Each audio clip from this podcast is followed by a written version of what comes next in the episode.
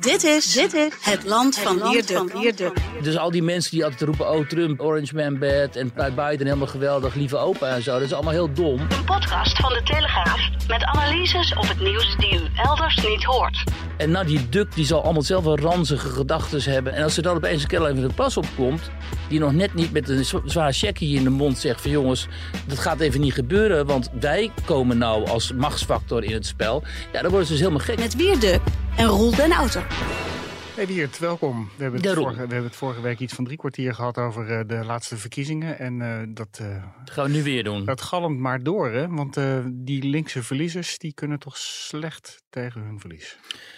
Ja, nou ja, dan moeten we wel een beetje onderscheid aanbrengen in wie dat nou zijn. Hè? Je hebt natuurlijk gewoon de echt linkse partijen zoals de SP en zo. En die nemen dat verlies gewoon. Maar ja, je hebt, heb ik niet gehoord. Nee, maar je hebt natuurlijk ook een kasten in Nederland van wat tegenwoordig heel leuk rijklinks of gymnasiumlinks wordt genoemd. En die zitten meestal uh, in partijen zoals GroenLinks of ook wel Partij van de D66 ook. Uh, maar zijn ook heel nadrukkelijk aanwezig in de media. Hè, de wat jongere generatie uh, mensen in de media die zijn ook vaak wat, wat hoger opgeleide kinderen van welgestelde ouders die dan hun leven lang in een linkse bubbel hebben verkeerd. En als ze dan opeens Caroline van der Plas aan de horizon zien opduiken, dan worden ze heel erg bang. Ja. En dan gaan ze in wilde paniek uh, om zich heen slaan. En dat gebeurde ook de afgelopen week dus een aantal malen. Hè, vooral bij uh, op de NPO uh, Radio 1. De Nieuwsbv. De Nieuwsbv. Dan had je dan ten eerste Marcel van Roosmaan. Nou ja, goed, van hem verwacht je het nog wel. Maar die ging dus helemaal de mis, de, in de fout doordat hij de BBB ging vergelijken met de Joodse Raad tijdens de Tweede Wereldoorlog. Misschien moeten we dat stukje even gaan luisteren. Ja. In de praktijk zal de boer-burgerbeweging gaan functioneren als een soort Joodse Raad 2.0. Ze zal moeten meewerken aan de eliminatie van de eigen achterban. Ja, kijk, die Joodse ja, Raad, moeten we even, hè, dat was in de, tijdens de Tweede Wereldoorlog. Dat was dus een, uh, eigenlijk een uh, organisatie die collaboreerde met uh, de bezetter.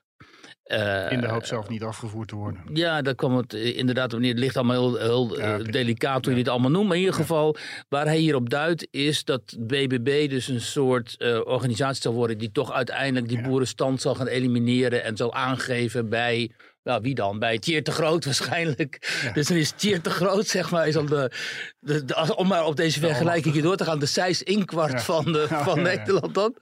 En dan is de BBB vergeet als Joodse Raad. En de boeren die worden dan allemaal afgevoerd op, per trein naar allerlei vernietigingskampen. Ja, dit soort hyperbolen, daar grossiert hij natuurlijk in. Ja. dat, is satire, hè? Satire. Het is satire. En, um, um, uh, en in zijn geval vind ik het ook nog wel, heeft het, is het ook nog wel geestig ook. Maar goed, het, um, het heel veel mensen sloegen hier natuurlijk op aan. Een enorme droeftoeter is het. Ja, ja eigenlijk wel. Ja. ja. Hij heeft echt één kunstje. Dat melkt hij maar uit. Gewoon altijd met zijn zaggerijnige hoofd iets negatiefs zeggen over wie dan ook. En dan ja. gaat iedereen, de hele meute gaat applaudisseren en zo. Ja, maar dit zijn toch wel vergelijkingen. Ja, ik weet niet, die zijn niet zo kies.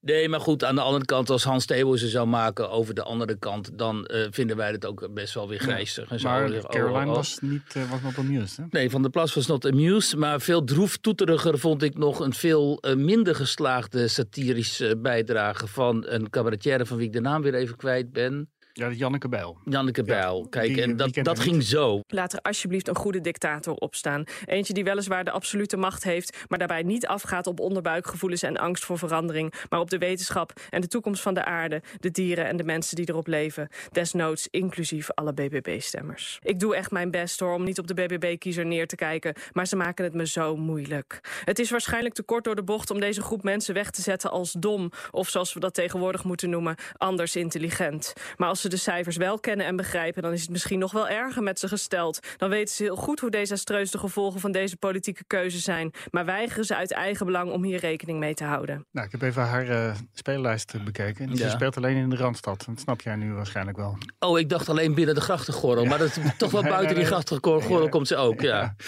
Ja, dit is natuurlijk enorm triest. Want het is ook niet grappig. En het is dus echt um, een reflectie van, van die kasten, zeg maar. Van mensen die zich dus persoonlijk enorm beledigen voelen en ook vernederd door de, de boer-burgerbeweging, omdat die zo groot zijn geworden. En die dan vinden dat ze het recht hebben om op deze manier om zich heen te gaan slaan. En ja, dat zie je dus nog veel meer. Hè? Ook in andere uitingen je dus, ja, columnisten en zo van, van kwaliteitsmedia die in blinde paniek.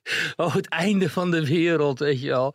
Oh god, dit betekent het terugdraaien van, het, eh, van de transitie van het stikstofbeleid en zo. Dat is allemaal vreselijk voor dit land. Dat heb ik bij VI gezien de afgelopen weken. Dat Sander Schimmelpenning had uh, getweet dat hij, uh, niet, dat hij daarbij, vooral bij VI zat, om de domme rechtse massa's die BBB stemden te te proberen te bekeren. Ja, ja nou ja, Sanders, kijk, ik heb het eigenlijk gewoon over columnisten die echt in de krant schrijven dat als de burger, boer-burgerbeweging beleid gaat maken, dat dan dus hier het soort woestenij ontstaat van uh, vernietigde uh, natuur. en ten eerste is dat niet waar, dus ze, ze, nemen de feiten niet serieus. Het genuanceerd allemaal. Ja, en ten tweede is het dus een, uh, laat dat zien dat ze dus helemaal niet kunnen omgaan met de uitkomst van een democratisch proces. Er zijn verkiezingen gehouden en er is een partij opgestaan aan een populistische partij eh, die een heel belangrijke rol gaat nu gaat spelen in de provincies. En aan die kant van het politieke spectrum, dus de andere kant, de linkse kant, kunnen ze dat helemaal niet accepteren. En dat is hier het interessante om te zien.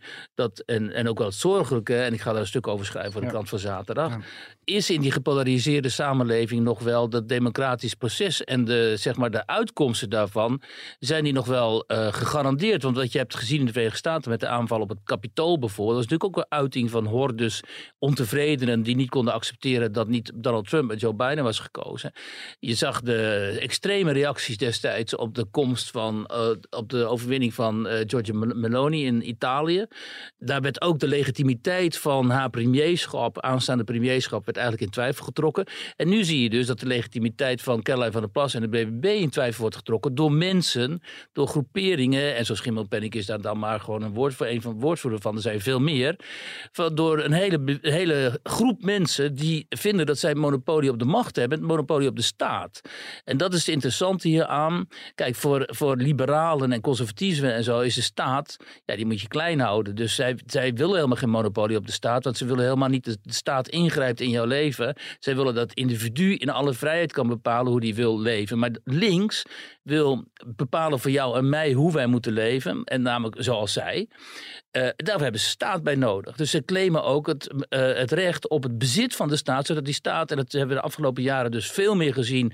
Notabene ook gefaciliteerd door de VVD. Dat is wat je de VVD Mark Rutte enorm kunt kwalijk nemen dat zij dat linkse verhaal zijn gevolgen van de staat moet heel erg ingrijpen tot in je slaapkamer, tot in wat je eet, tot in hoe je je vervoert, tot in wat je kijkt. Want we mogen bijvoorbeeld ook niet meer Russische propagandakanalen bekijken. Zo, die moesten ook allemaal geschrapt worden.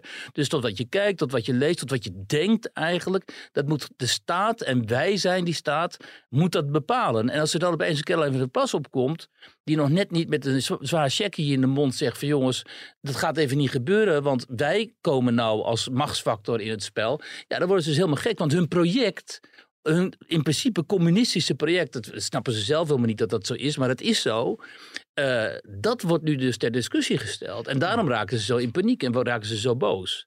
Grappig is, we, hebben, we hadden Niels Richter, een van onze verslaggevers, naar eh, Groningen gestuurd. Deze week mochten de, de, gekozen BBB-leden in de staten van uh, uh, van Groningen mochten eventjes aan het plusje ruiken en alvast kennis maken met de andere partijen. En daar kwam eigenlijk een heel aardig verhaal uit. Heb je het gelezen? Ja, ik heb gezien, maar daar werken ze gewoon al goed samen. Omdat Groningen heeft, de, al die partijen in Groningen hebben een gedeeld probleem, namelijk de tragedie van de uh, bevingen. Dus daar vinden ze elkaar sowieso al.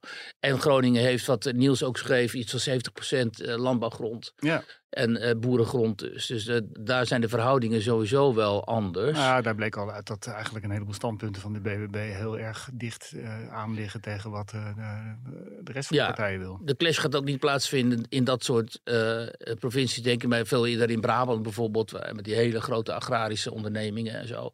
En natuurlijk ook in de randstedelijke provincies. Ja. Hè, waar stad en platteland veel meer, neem ik althans aan, zou ik eens moeten kijken hoe het zit in Zuid- en Noord-Holland en zo. Maar veel meer met elkaar in conflict zijn. Maar uiteindelijk, de, het echte spel op de wagen komt natuurlijk pas bij de Tweede Kamerverkiezingen. als uh, de, de, Boerenpartij het nu goed gaat doen, En dan komen Tweede, Kamer, Tweede Kamerverkiezingen als het kabinet uh, gaat vallen, wat ongetwijfeld gaat gebeuren. Ja, want, we hadden vanmorgen op donderdagochtend hadden we in de krant een verhaal. Gisteravond was er een uh, Kamerdebat en daar, dat liep al aardig uit de hand. Hè? Bij CDA en deze ja, die... elkaar in de haren vlogen. Maar echt dat ze vanuit het CDA zich afvragen of ja. De Groot nog wel bij zijn volle verstand is. Precies, ik zat hier gisteravond ook en toen dachten we echt van jeetje, dat, ja, dat kan wel eens heel snel gaan klappen.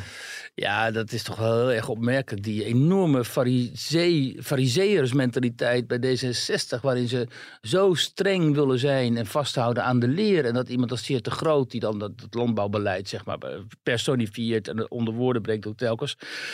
Ja, hoe radicaal die man. Hij, hij, had, vroeger had hij wat een soort, ma, soort Maoïst geweest uh, waarschijnlijk. Dan, En, dan, en dat notabene coalitiepartner zich afvragen, is hij gewoon nog helemaal goed bij zijn verstand? Ja. Nou ja, dat... Een liberale uh, Maoïst. Dat is toch een leuke stroming. Nou ja, dat was, hij was ongetwijfeld, al, wat hij dan in een andere partij gezeten. En was hij gewoon net zo radicaal natuurlijk te keer gaan. De wat hij nu doet, dat is wat de, wat de communisten, de Bolsjewieken deden tegen de Koelakken. Hè. De Koelakken waren dan de zogenaamde rijke boeren.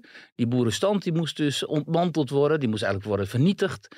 Dus die ook creëerde oorlog tegen de Koelakken. En die werden gewoon afgevoerd naar uh, Siberië. Gevolgen van hongersnood. En de hele boel werd genationaliseerd. Gevolgen enorme hongersnood. Ja, want uh, ja. Ja, ja. daar hebben we hele slechte voorbeelden van gezien. Maar de, de, vraag is eventjes hoe dit allemaal gaat aflopen. Dus de, de verkiezingen. Ja, nou, dan kan je wel zeggen, het kabinet gaat vallen. En dan komen natuurlijk Tweede Kamerverkiezingen. En dan wordt de VVD ongetwijfeld toch weer de grootste partij. Hangt een beetje af van de, wie, daar, wie daar de kar gaat trekken. En BBB wordt dan een van de, de, de wordt dan partij 2 of partij 3. En gaat de machtsfactor zijn. Maar ik denk dat Caroline zich er ook niet uit de, tent moet gaan laten lokken. Hè? Want ze had nu op Twitter had ze gereageerd op uh, Marcel van Roosmalen. Ze had gezegd dat ze, weer ze is wel niet van suiker, maar de grens van het asociale is bereikt. Het is, ze noemt het een walgelijke vergelijking die met die Joodse raad, wat we net, die quote die we net hoorden. Je moet, ze moet natuurlijk uitkijken dat ze ze niet zich laten provoceren. Ja, hij moet ze niet doen. En ik zag ook wel goede adviezen van mensen die zeiden, joh, je, hebt, je bent winnaar wees chic en ga niet overal op in. Want je, bent, je hebt gewoon nu de sleutel tot de macht. Dat zeiden ze niet, maar dat zeg ik dan. Ze heeft de sleutel tot de macht, dus ze hoeft niet op allerlei clowns en hofnarren in te gaan. Want dat, dat, dat glijdt toch, dat kan bij haar afglijden nu. Ja. ze heeft nu een positie waarin ze zich kan permitteren om dit te negeren. En uh, waarin zij notabene kan besluiten om Mark Rutte uit te nodigen in hotel, restaurant De Landbouw of zo, of heet het daar. En dat Mark Rutte dan ook heel keurig komt. Omdat die Rutte toch wel is opgegroeid in de democratische uh, traditie. En die zegt dan gewoon, ja, ik ga op bezoek bij degene die uh, gewoon de grootste winst heeft geboekt bij die provinciale verkiezingen. En op, ze moet zich nu op dat niveau gaan bewegen. En dan moet ze dit, al dit soort minor dingen, moet ze gewoon aan haar uh, adjudanten overlaten. En Timmermans die wil haar aan de borst sluiten. Nou, dat mag ik hopen voor haar van niet. Maar hij heeft haar uitgenodigd. ja. Dan legt hij het haar nog één keer uit. Ja. Maar daar heeft ze voor bedankt, want ze heeft geen tijd om uit Den Haag te gaan. en dan komen allemaal van die mensen, die ach, vreselijk, die gaan zeggen: ja, maar er is tegenwoordig ook Teams of Zoom. En, zo, weet je? en dan denk je, dan begrijp je toch ook helemaal niet wat dit voor discussie is. Weet je wel, waar dit over gaat. Maar Natuurlijk... ik, vond, ik vond dat een slimme zet van Timmermans. Timmermans is natuurlijk wel echt wel een handige man. Nou, ik vind het niet slim als zij zegt: ik ga je nog één keer uitleggen hoe nee, uh, Europese politiek over, maar, werkt. Maar toch om eruit te nodigen. Ja, nee, ik ga het nog één keer uitleggen. Dat klinkt als papa gaat nog even ja. één keer zeggen hoe het zit. Kom even op audiëntie bij ja, deze ja, wat uitgedijde paus. Ja, dus, oké. nou, wij, wij, maken ons druk over uh, komende verkiezingen. Maar uh, er gaat binnenkort een verandering die de afgelopen honderd jaar nog niet is voorgekomen, gaat er, uh, gaat er plaatsvinden. Dan hebben we het over Xi en over Poetin. Dat was nogal een statement. Ik schrok er eerst, in eerste instantie eventjes van dat hij dat zei. Uh, nou ja, wat hij bedoelt daar. Eh, kijk, dit is al gewoon een uh, jarenlang durend project van zowel de Russen als de Chinezen. om die unipolaire wereld die het Westen onder leiding van de Verenigde Staten um, zou hebben gecreëerd. En die ook is gepropageerd vanuit eh, de Verenigde Staten vooral. En die uiteindelijk een, zeg maar een militaire eh, eh, vorm heeft gekregen in bijvoorbeeld destijds in Irak. Maar ook destijds op de Balkan en in Libië en zo. Om die wereld uit te dagen en te zeggen, ja, daar gaan we niet meer in mee. Wij willen een multipolaire wereld waarin China en Rusland en ook landen als India en zo uh, maar ook landen als Brazilië, gro grote landen, grote economieën, uh, op gelijke hoogte als het Westen en met name de Verenigde Staten komt te staan. En waarin wij ook onze strategische, geostrategische belangen niet alleen verdedigen, maar waarin die ook worden gerespecteerd. Dat is wat Poetin altijd heeft gezegd, ook over zijn achtertuin, namelijk de Oekraïne. Hij heeft gezegd van, luister eens, die unipolaire wereld van jullie, ik ben het er niet mee eens. Rusland heeft zijn eigen belangen, heeft zijn eigen geostrategische belangen vooral. Vooral ook in landen zoals Oekraïne, waar miljoenen Russen wonen. Hè? Want in die voormalige Sovjet-republieken wonen nog iets van 25 miljoen Russen of zo, etnische Russen. En eh, daar hebben jullie uit weg te blijven. En als jullie ons uitdagen, dan op een gegeven moment dan leidt het tot een uh, conflict. En het conflict is dus ook gekomen met die invasie in uh, Oekraïne uiteindelijk. En de, de, de lastige positie van de Chinezen nu is dat ze zowel moeten proberen als het proberen om Poetin enigszins tot reden te brengen over uh, Oekraïne. Want als daar nog een langdurig militair conflict sluimert, ja, dat is voor China natuurlijk ook heel onvoordelig. Maar aan de andere kant wel, die uh, gedachte aan die multipolaire wereld moeten ze in stand blijven houden. Want dat is ook in hun belang. Ten meer omdat er uiteindelijk een clash over Taiwan zal komen met ons, met Amerika. En uh, China wil zich gewoon op het internationale toneel duidelijk als concurrent van de Verenigde Staten uh, positioneren. En dat lukte hen ook, omdat je ziet wat hen. Hè, het zijn half Afrika opgekocht. Je moet de mensen niet zeggen: nee, wie dat klopt niet. Ze hebben niet half Afrika, maar dat is een metafoor voor. Ze hebben heel veel strategische projecten lopen in, Af in Afrika. Al die, al die mijnen, ja. Precies. En uh, infrastructuur, noem maar op. Hè. Ja, ze, ze leggen wegen aan, toestanden. Ja, verder allerlei uh, dingetjes. Uh, nou, en, nou, wat ze in handen hebben, daar hebben we het eerder over gehad, is ja. dus de, raffinader, de raffi, raffin, raffinaderijen ja. voor die hele zeldzame aardmetalen die heel belangrijk zijn voor de transitie. Hè. Dat kunnen wij niet. We, hebben dan, we kunnen wel dan gaan mijnen en zo. Moeten we ook nog allemaal maar gaan doen in Europa. Maar die Chinezen die mijnen al lang in Afrika en die raffineren dat spul dan bij hen thuis in China. En dat verkopen ze dan door. En dat hebben wij nodig voor als wij die Green Deal van Timmermans willen doorzetten. Dus daar hebben ze al enorm op geanticipeerd. He, en dat spul dat zit trouwens ook in het Donbass. He, daarom hebben wij ook zoveel belang bij die. Donbass. Zodat wij daar, althans Zelensky daar kan gaan mijnen. En dan kunnen wij het gaan gebruiken voor onze elektrische uh, transitie.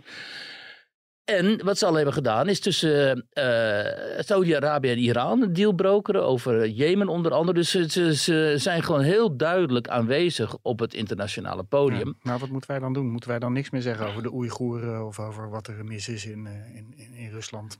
Nou ja, ik vind altijd dat je dus twee dingen moet doen. Namelijk je moet en wijzen op eventuele misstanden in dat soort mm -hmm. landen. Hè. Dus uh, Rusland, voordat die invasie begon, had natuurlijk moeten wijzen op uh, die sluipende dictatoriale ontwikkeling daar. Het uh, sluiten van uh, de vrije media en zo, al dat soort dingen. Maar je moet tegelijkertijd, vind ik, met die landen blijven handelen en blijven praten. En erkennen dat niet elke cultuur onze versie van democratie als de beste variant beschouwt. Maar wij hebben de democratie, mensenrechten hebben geabsoluteerd. Landen die zich daar niet aan willen conformeren, die zien wij al heel snel als onze tegenstander, hoewel dat hangt een beetje van af of ze, hè, of ze op heel opportunistisch of uh, um, iets aan hen hebben of niet. En landen die te belangrijk en te machtig worden, zoals China, ja, die wijzen we dan aan als, uh, als uh, potentiële vijand. En het interessante is als je dus met Amerikanen praat en met mensen van NAVO en zo, die helemaal in die NAVO-hoek zitten en of in die Amerikaanse Havikhoek en zo. Ja, voor hen staat volstrekt buiten kijf dat China een enorm gevaarlijke land is. De communistische partij, die, die, die bepaalt alles en die wil weer wereldoverheersing. En uiteindelijk willen ze ook de Verenigde Staten verslaan en Europa innemen en zo. Weet ik, dan krijg je dus een heel, heel ander verhaal te horen. En voor hen is gewoon uitgesloten, uitgesloten dat we met China tot een bepaalde vorm van cohabitation, de samenleving mm. zouden kunnen komen. Nee hoor, dat is, die denken het stel zwart-wit. China, Rusland is een vijand, die hebben we nu min of meer onder controle, want dat doen de Oekraïners voor ons. Mooi zo. Nu verder naar China. Zodra China ook maar een vinger uitsteekt naar Taiwan, moeten ze eigenlijk helemaal weer de stereotype bombarderen. En uiteindelijk staat voor deze mensen vast dat er gewoon uiteindelijk tot een militaire clash komt met China. Ook. Ja, maar ja, ik snap wel dat mensen toch bang worden als ze dit soort kreten horen, of dit soort uh, verklaringen horen, dat er een verandering gaat uh, aanstaande is die in geen honderd jaar is gebeurd. Nou, dat is deze toch... verandering, namelijk een multipolaire wereld. Wat is daar zo eng aan? Nou ja, dit klinkt mij heel erg oorlogzuchtig. Nou, mij klinkt het als wat zij zeggen: we hebben nu in een eeuw geleefd van, uh, van uh, de American Century. Dus het Amerikaanse empire, zoals het heet, heeft geheerst. En uh, wij hebben ons daartegen verzet. En die veranderingen zien wij nu in de wereld. En dit is een, in, dat is dus een major change ook. Dus een hele grote verandering. En als je daar met een beetje objectieve blik naar kijkt, dan kun je zeggen: ja, dat, dat is inderdaad wat wij zien. En dat is voor de, wordt voor de Verenigde Staten nog heel ingewikkeld, omdat de, de Amerikaanse samenleving ook voor een deel gewoon echt aan het degraderen is.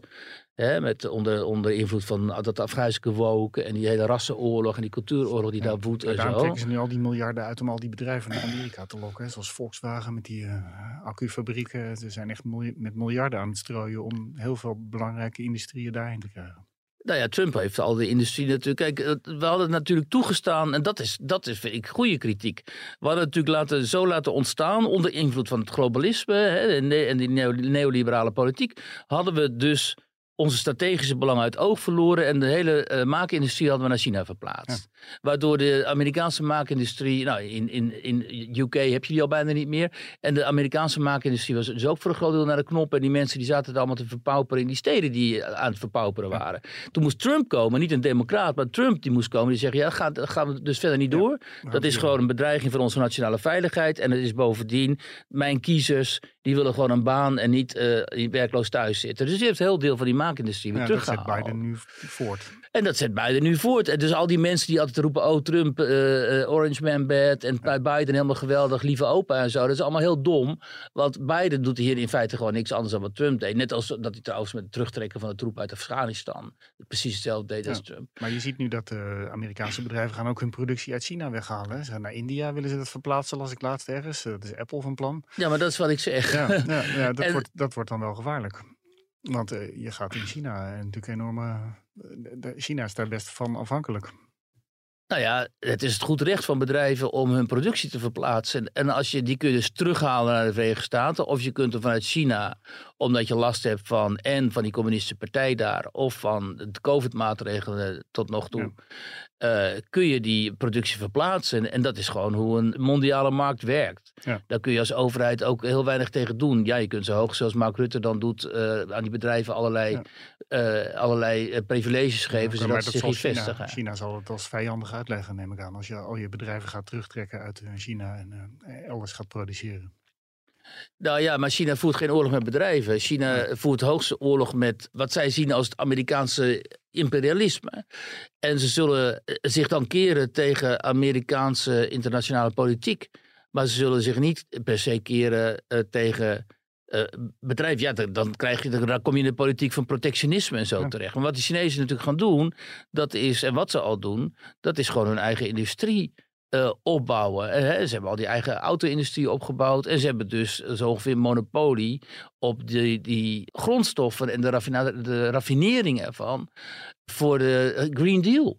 En dat maakt hen een enorm machtige speler. En daar balen die de Amerikanen natuurlijk vreselijk van. En ik vind ook het heel belangrijk, en dat moet je wel onderkennen, dat wij begrijpen dat, in, uh, dat eh, China een dictatuur is van de communistische partij. En dat daar minderheden worden onderdrukt en dat daar burgerlijke vrijheden ook worden onderdrukt. Hoewel als je daar bent, dan merk je daar niet zoveel van, want het is gewoon best gezellig dan daar. Oh, dan krijg ik weer kritiek op. Het is best, als je daar bent als toerist, dan zie je het allemaal niet zo, maar het is wel een feit. En uiteindelijk staan wij natuurlijk wel voor westerse normen en waarden en daar hoort democratie bij. Dus wij moeten, als we met die landen te maken hebben, dat wel gewoon blijven zeggen. Van luister eens, wij zijn het helemaal niet eens met de manier waarop jullie je systeem hebben ingericht. Maar we moeten hen niet uh, telkens weer tot vijand maken. Pas als ze het omgekeerd doen. Ja, maar door, door die laatste verklaring denk ik dat zij... Uh... Nou, dat lees ik daar niet in. Ja, dat, maar is, dus, dat is eigenlijk de vraag. Je moet dat dus niet zo persoonlijk en zo letterlijk opnemen allemaal. Het is allemaal een soort van retoriek. Nou, in dit geval is dat volgens mij gewoon de observatie van uh, wat gaande is. Ja, er stonden ook allemaal punten in van uh, je, je moet accepteren dat sommige landen een aangepaste vorm van democratie hebben, dat soort teksten. Ja, geleide democratie en zo. Ja, maar ja. dat is precies wat zij bedoelen. Het enige, het, het, veel gevaarlijk, of wat gevaarlijk zou kunnen zijn, is dat Xi Jinping niet gezegd heeft van over die, dat conflict in Oekraïne, dat het een illegale oorlog is, dat Rusland troepen moet terugtrekken, dat Oekraïne een soeverein land is en zo. Dat heeft heeft hij allemaal niet gezegd. Dus dat is een soort van ondersteuning van Poetins uh, invasie. En dat is wel niet alleen opmerkelijk, maar ook wel misschien zorgwekkend. Omdat dat zou betekenen dat China kennelijk dit, uit dit soort acties niet per se veroordeelt. Hoewel China altijd enorm juist uh, zich keert tegen dit soort illegale oorlogen en, eh, en eh, militaire interventies. Daar, eh, daar in principe zeggen zij altijd dat ze daar niks van moeten weten. Dus dat Xi Jinping dan nu Poetin daar toch in zekere zin in, in steunt, dat, dat geeft wel te denken. Ja, dat, geeft meer te denken, vind ik, dan die opmerking over na, na een eeuw Amerikaans imperialisme zie je een soort herreizenis van andere grootmachten of zo. ja. Van het grote wereldtoneel naar het klaslokaal. Precies. Want uh, er was heel veel opwinding deze week over uh, lesmateriaal van de Rutgers Stichting. En dat, uh, Mag je niet zeggen, hè, Rutgers Stichting? Dat is de oude oh. benaming. Het heet gewoon Rutgers, geloof ik. Oh, oké. Ja, wij oude mannen kennen het als Rutgers Stichting. Rutgers Stichting, ja. ja. En de NVSH. Ja. Ik weet niet of die, nog niet De COC heb ik geen, geen flauw Oké. Okay. Nou, die brengen in ieder geval eh, lesmateriaal uit. Dat heet uh, Lentekriebels. En daar worden kinderen van op de, in de basisschool, ik wou alweer lagere school zeggen, dat mag ik ook niet meer. Die krijgen les in, uh, in, in, weer, in, weerbaarheid, zeg maar. En, en ze krijgen voorlichting. En uh, daar was heel veel opwinding over. Ik snapte het niet altijd. Nou ja, waar het over ging is dus dat lente Kriebels, dat is dus eens per jaar een week uh, seksuele voorlichting en weerbaarheidstraining. De vraag die zich aandiende is, ja, is het nu wel geschikt voor kinderen in, in de leeftijd van een jaar of negen en ook nog jonger. Ja. Ik kreeg ook die mail van, de, van Rutgers en daarin stond dan letterlijk dat in de groepen 6 tot 8. En dan als je in groep 6 zit, dan ben je zo oud als mijn zoontje, ben je dus een jaar of 9 of 10. Dat daar dan uh, seksuele voorlichting zou worden gegeven, onder andere aan de hand van een 3D clitoris.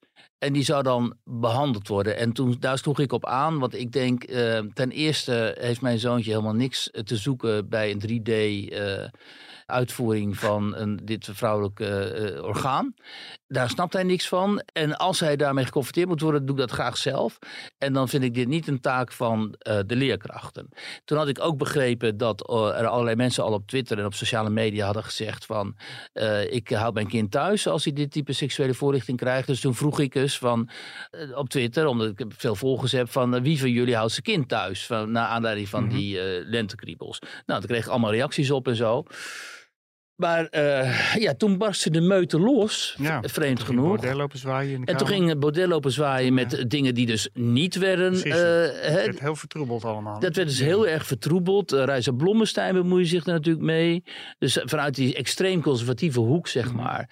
werd er ook allemaal, werd er kennelijk ook fake news rondgepompt. Hè, Met dingen die dan niet in dat pakket zaten. Terwijl ik denk, in het pakket zitten al dingen... waar je mee het al heel erg oneens kunt zijn. En daarover kun je discussiëren. Onder andere omdat op die Rutgers site ook een filmpje stond waar ik ook op aansloeg. En wat ik echt heel erg bedenkelijk vind.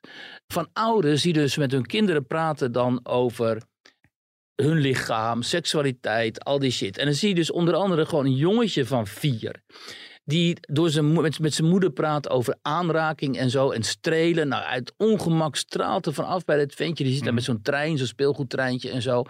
En die moeder begint op een gegeven moment ook echt te vragen. Ja, en wanneer zit je dan aan je piemel? Doe je dat dan in de klas? Of doe je dat... En dat jongetje dat kijkt naar die moeder. Die denkt echt, je ziet en denkt, waarom? Waar, ik wil met die trein spelen. Waarom vragen? En dat, je, ieder normaal mens weet hoe ongemakkelijk het is als jouw vader of moeder jou dat soort dingen gaat vragen. Wanneer zit je aan je kruis? Wanneer doe je... En, en... als, het, als het niet gebeurt en op school ook niet, dan loop je natuurlijk wel de kans dat... Nee, maar wacht even, want dit werd dus gefilmd. Hè? En die ouders hebben dit laten filmen. Mhm. Met die kinderen, want er waren iets van vier koppels of zo. Natuurlijk ook een homostel, ook met zo'n jongetje. En dan nog, en dan ook zo'n stel. En het was een, wat ouder kind, een jaar of tien of zo. En dan begon die moeder over, ja, neuken. Ja, zo heet dat dan, hè. En een andere moeder met een meisje van negen, die begon ook een heel verhaal over uh, clitoris aanraken en zo. Bla, knopje, bla. En al die kinderen, die, die kropen nog net niet onder tafel van Schaamte.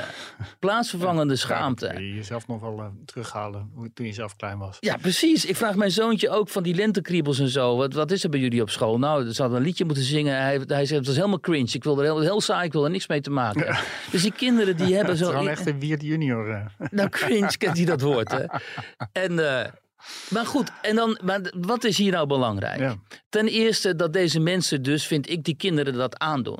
Dat staat dus voor eeuwig op het internet. Toen heeft die Rutgers, toen daar dus heel veel ophef over Mhm. ontstond, want Baudet en zo, die rolden Ja. ook over die video heen, heeft die Rutgers heeft dat filmpje verwijderd. Ja. Want de ouders hadden geen toestemming gegeven om Oh. dat, om dat eh, dat te verspreiden. Dat niet. Het stond op hun site. Ja.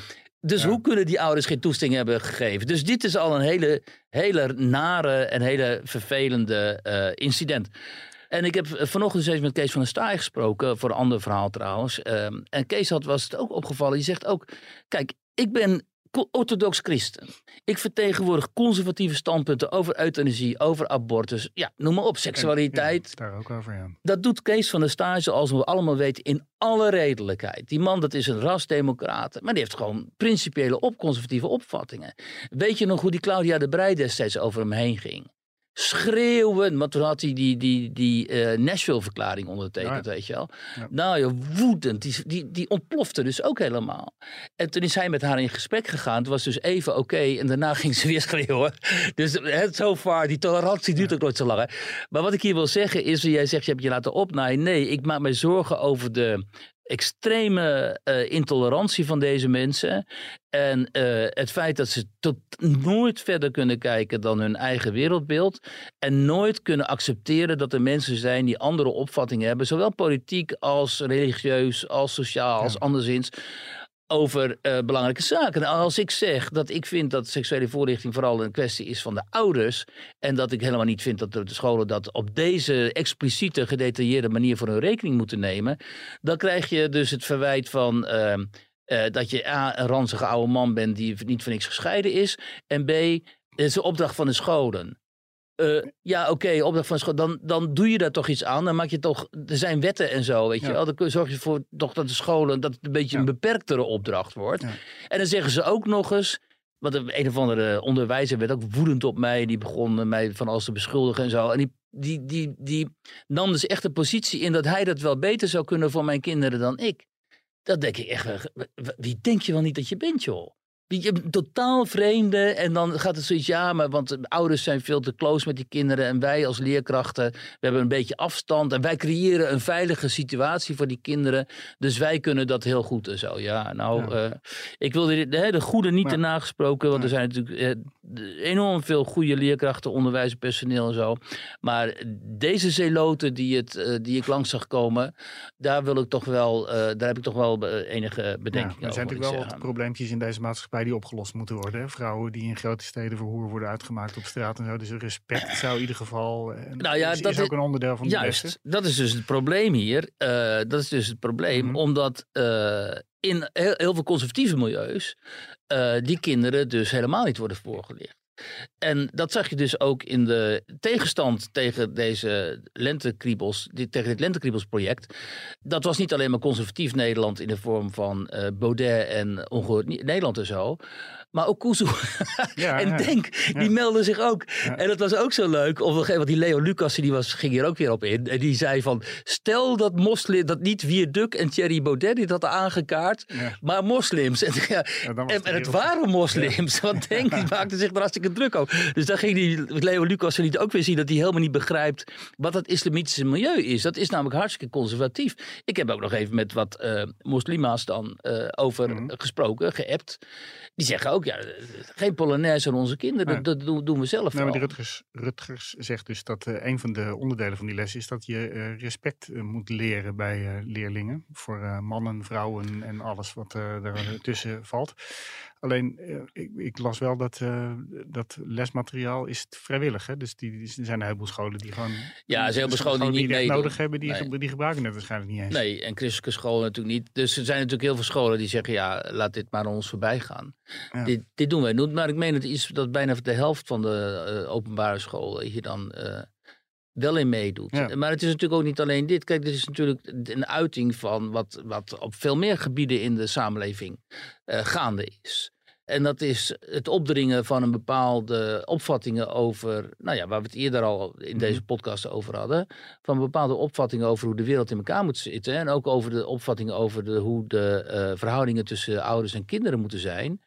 En wie uiteindelijk het gezag heeft over de kinderen. En in, in vaak zonder te kijken. Heel veel van die leerkrachten zullen dit helemaal niet beseffen. Maar hier, hierachter gaat natuurlijk de gedachtenschuil van... niet die ouders hebben het uiteindelijk gezag, maar de staat. Ja. Want de staat weet veel beter wat goed is voor die kinderen dan die ouders. Want die ouders zijn soms rechts of conservatief Ja. of eh, religieus. eh, wat? Ze zijn misschien wel conservatief moslim of conservatief christen. Dat moeten we niet hebben. Wij, woken, progressief, liberalen, wij moeten die kinderen opvoeden. Het liefst zetten ze die kinderen gewoon helemaal apart en voeden ze, voeden, laten ze de staat die kinderen opvoeden. Het is. Maar eh, de- Nou ja, die had vroeger, ik, ik kan, kan nog wat verder teruggaan in de geschiedenis. Toen gebeurde dat eh, ook, maar daar gaan we het verder niet over hebben. Want eh, we gaan ons niet schuldig maken aan Godwins. Maar kijk, ik al 50 chargeer nu een beetje. Ik chargeer nu een beetje. Maar wel degelijk zit dit type denken en deze ideologie schuilt daarachter. En die is volledig geïnternaliseerd door al die mensen die dan GroenLinks, D66 en zo. Een soort absolutistisch denken over dit soort eh, problemen. eh, huldigen. En als je daar dan ook maar iets van zegt, weet je wel, dan ben je de klos. En het is heel erg jammer, en dat gebeurt dus telkens in Nederland, dat dan eh, mensen als Baudet en Blommestein en zo weer op zo'n Ja. hele domme manier daarmee aan de haal gaan, waardoor ze ook zij dit debat dus compleet saboteren. Ja, het lijkt wel of ze dat expres doen. Nee, ik denk dat ze. pff, eh, eh, gemakzucht, ik heb geen idee wat het is. Maar het is niet, het is niet zuiver. Omdat je de feiten niet. Je blijft niet bij de feiten. En, en eh, dat, juist als je een debat wil voeren en een debat. hè, en mensen wilt overtuigen, moet je wel bij de feiten Ja, blijven. dat debat natuurlijk. willen ze dus kennelijk niet voeren. Want als je Ah, er kennelijk zo niet. ingaat, dan... Maar goed, de andere kant wil het ook niet voeren. Dus het is sowieso parels voor de zwijnen.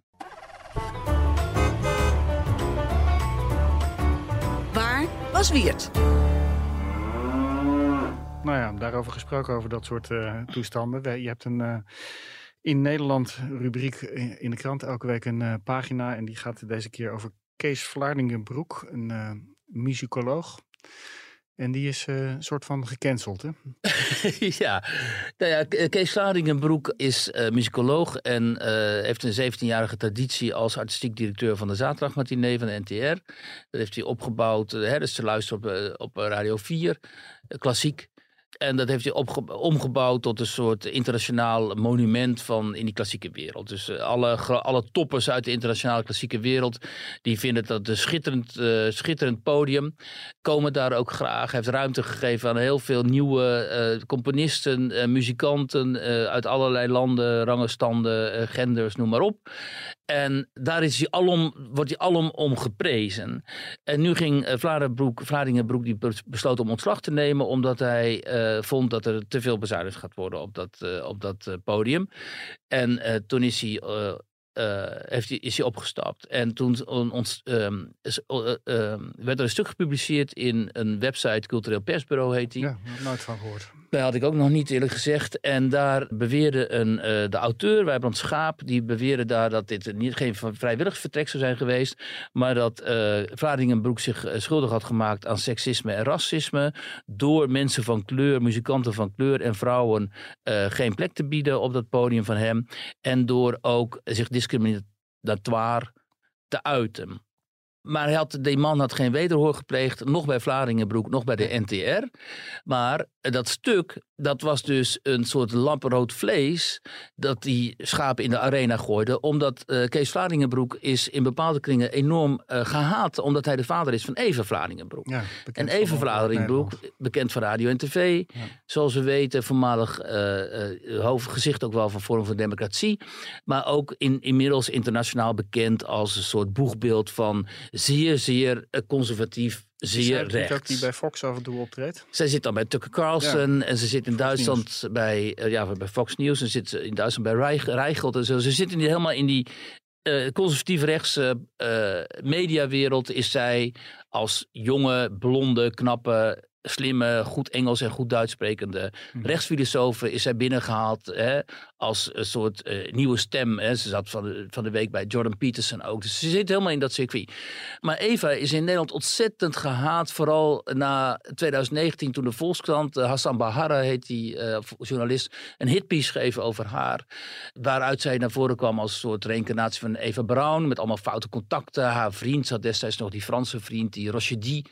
Die was uit eh, Le Pen's beweging, um, Front National. Mhm.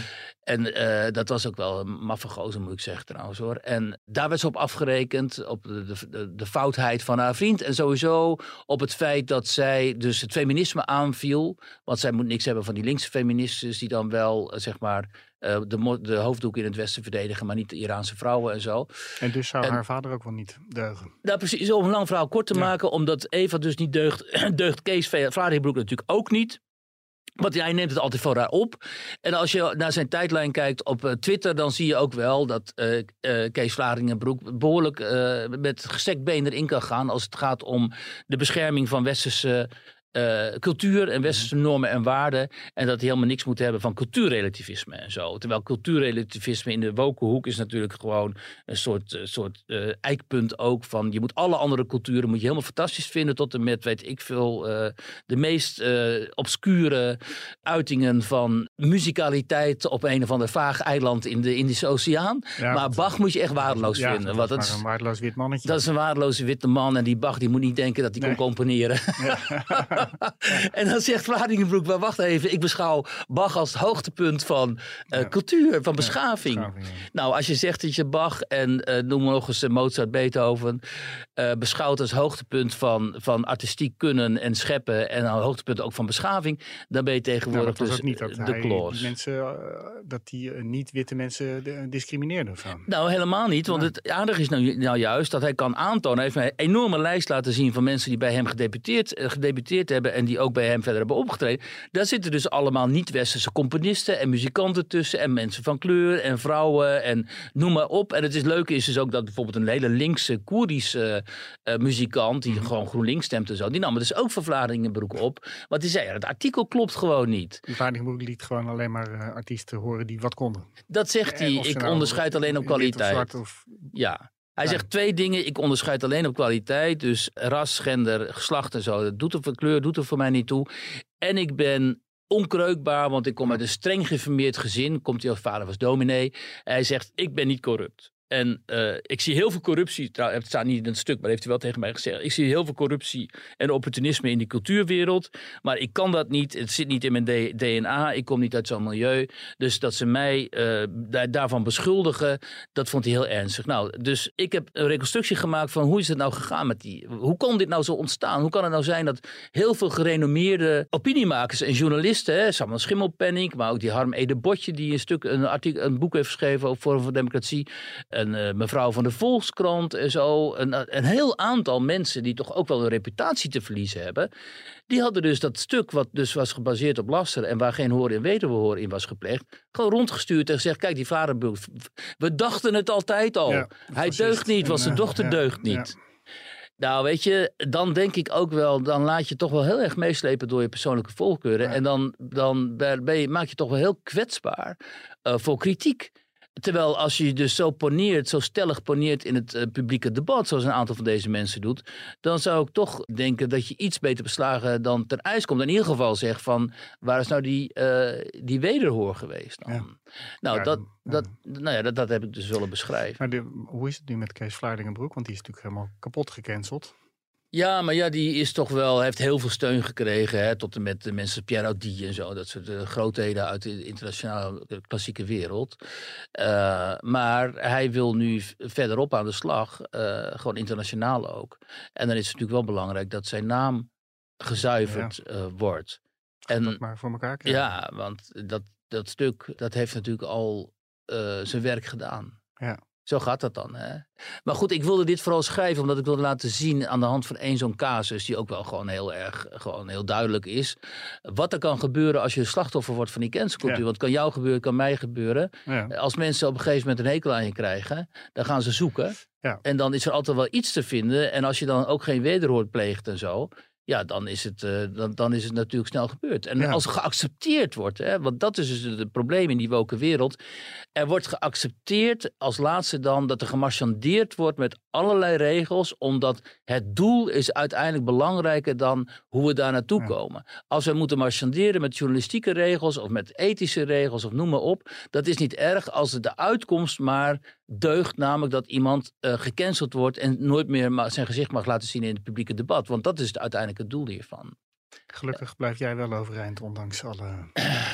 Er komt, een, er van- komt een dag en dan. eh, nee, maar goed, ja, daarom is het belangrijk dat mensen die zeg maar bepaalde posities innemen in het debat die lastig zijn. En waar heel snel woede over ont, eh, rond ontstaat en ophef en zo.